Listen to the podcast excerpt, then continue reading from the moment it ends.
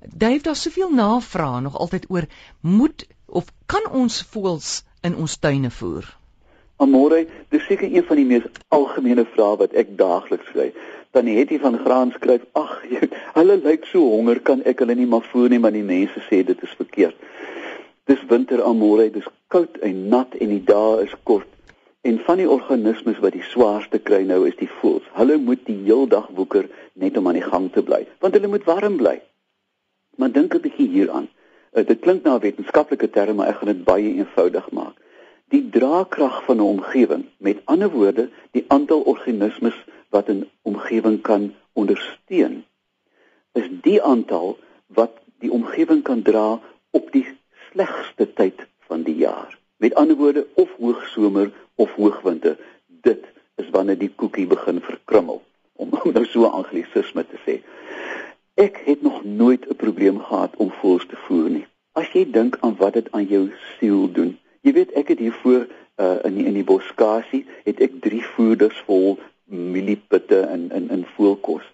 Ek kan nie wag soggens om te kyk hoe die vinke, hulle hulle sit eintlik met holtjies te en wag dat ek moet kom volmaak en dan is dit 'n gekwetter in 'n gespattel en 'n bekleierery.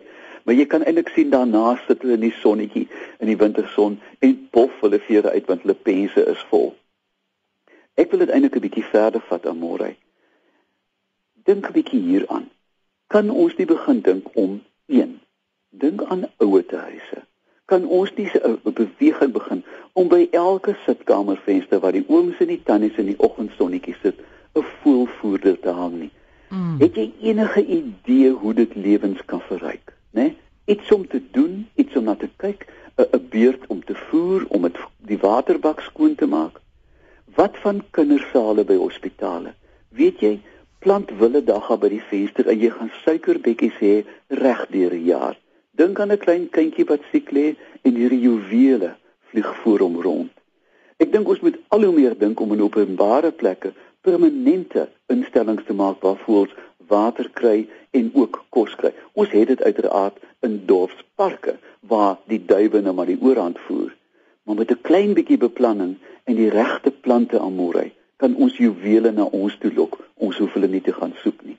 En ek dink so kan 'n mens veral ouers van daai eensames kan lewens mateloos verryk word as ons net 'n bietjie dink.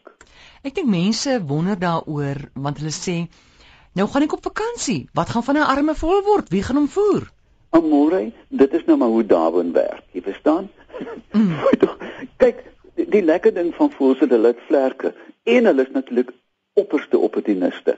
Natuurlik gaan hulle nie vlek nie. Hulle gaan begin soek. Hulle gaan vir eens weer 'n bietjie werk. Hulle gaan fiks word of hulle vlieg na 'n plek langsaan. Hoekom in die winter sien jy die swerms spreeus? Jy, jy moes al gesien hulle sit saam op die draad, hulle vlieg saam. Mm. Dis 'n optimale manier om kos te kry. Hoe meer oogies daar is, hoe gouer kry jy die kos. En dan soek jy verder.